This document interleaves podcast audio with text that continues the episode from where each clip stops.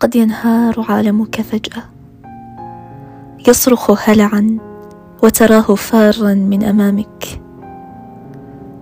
تسمع أصوات العالم وهي تخشاك. وفي ذلك العالم الذي قد بنيت بيوته طوبة طوبة. ينهار من العدم وإليه تعبث النيران بأعز المنازل عليك. ويستطرد اللهيب في سرد آلامك واحدة تلو الأخرى على مسمع من الجموع الغفيرة الفارة من الانهيار. قد ينهار حصنك المنيع الذي قد ظننت يوما أنك من أسسته. من خلق لبناته الأولى ووضع مقاييسه حسب ما يناسب رأيك الشخصي ومنظورك.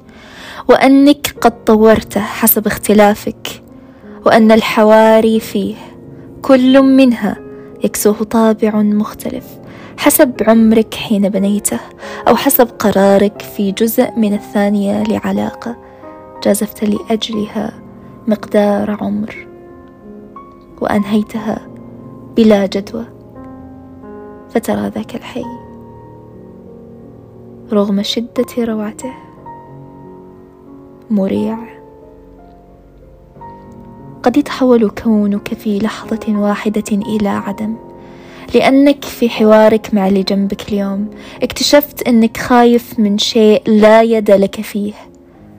حتى خوفك منه. لم تكن قد بنيته.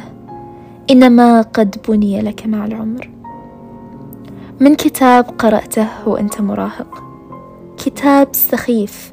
قد سمحت دار النشر لنفسها أن تبثه في خيالك وتصنع منه سيناريو ما استوعبته إلا بعد مدة طويلة. هدم لك حي كامل في عالمك وقد اشتدت النيران واعتلت لتطال أزقة أخرى.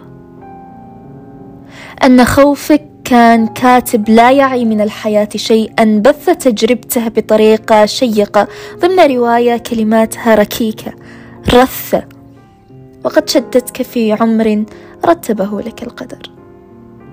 هو القدر ذاته اللي بيخليك بعد عمر من البنيان.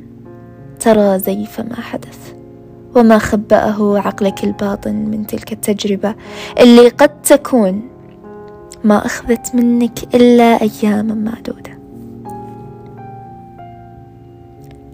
الخوف. هل نخاف الأشياء لأننا جربناها أم لأننا لم نجرب؟ وهل حقيقة الخوف عارية كما يقال أم أنها تتنكر لنا بشتى الإغراءات الممكنة؟ وكيف لنا أن نختلف فيما نخاف؟ وهل ما نخافه فعلا مخيف؟ إذا كانت الإجابة نعم فلما لا يخافه الجميع؟ لما نؤمن ببعض ونترك بعض؟ لما نتسامر عن حقيقة بديهية باختلاف وجهات النظر؟ لما نخاف؟ هل نحتاج الخوف حجة للبحث عن الأمان؟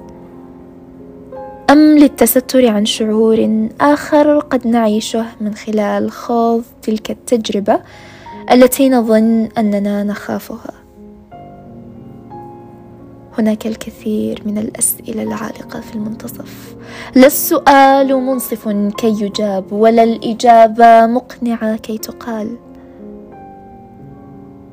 لكننا حين نخاف لن نتساءل بل سنعيش الشعور.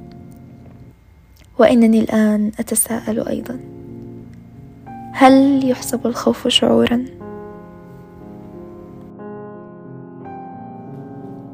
كانت معاكم نبراس بحليقة من بودكاست خام حيث نطلق العنان للكلمات التي ابتلعناها فتسجت وتصيرت مصيرا نعيشه ولا ندرك.